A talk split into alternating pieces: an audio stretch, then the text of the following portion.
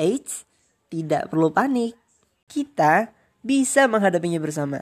Selalu jaga protokol 3M, pastikan seluruh pengunjung pasar mencuci tangan sebelum dan setelah memasuki pasar, memakai masker sesuai standar, dan menjaga jarak. Demi kepentingan bersama, pantau dan patuhi juga kebijakan pemerintah pusat dan daerah setempat. Pasar sehat, ekonomi menguat. Pesan ini disampaikan oleh Fakultas Kesehatan Masyarakat Universitas Diponegoro.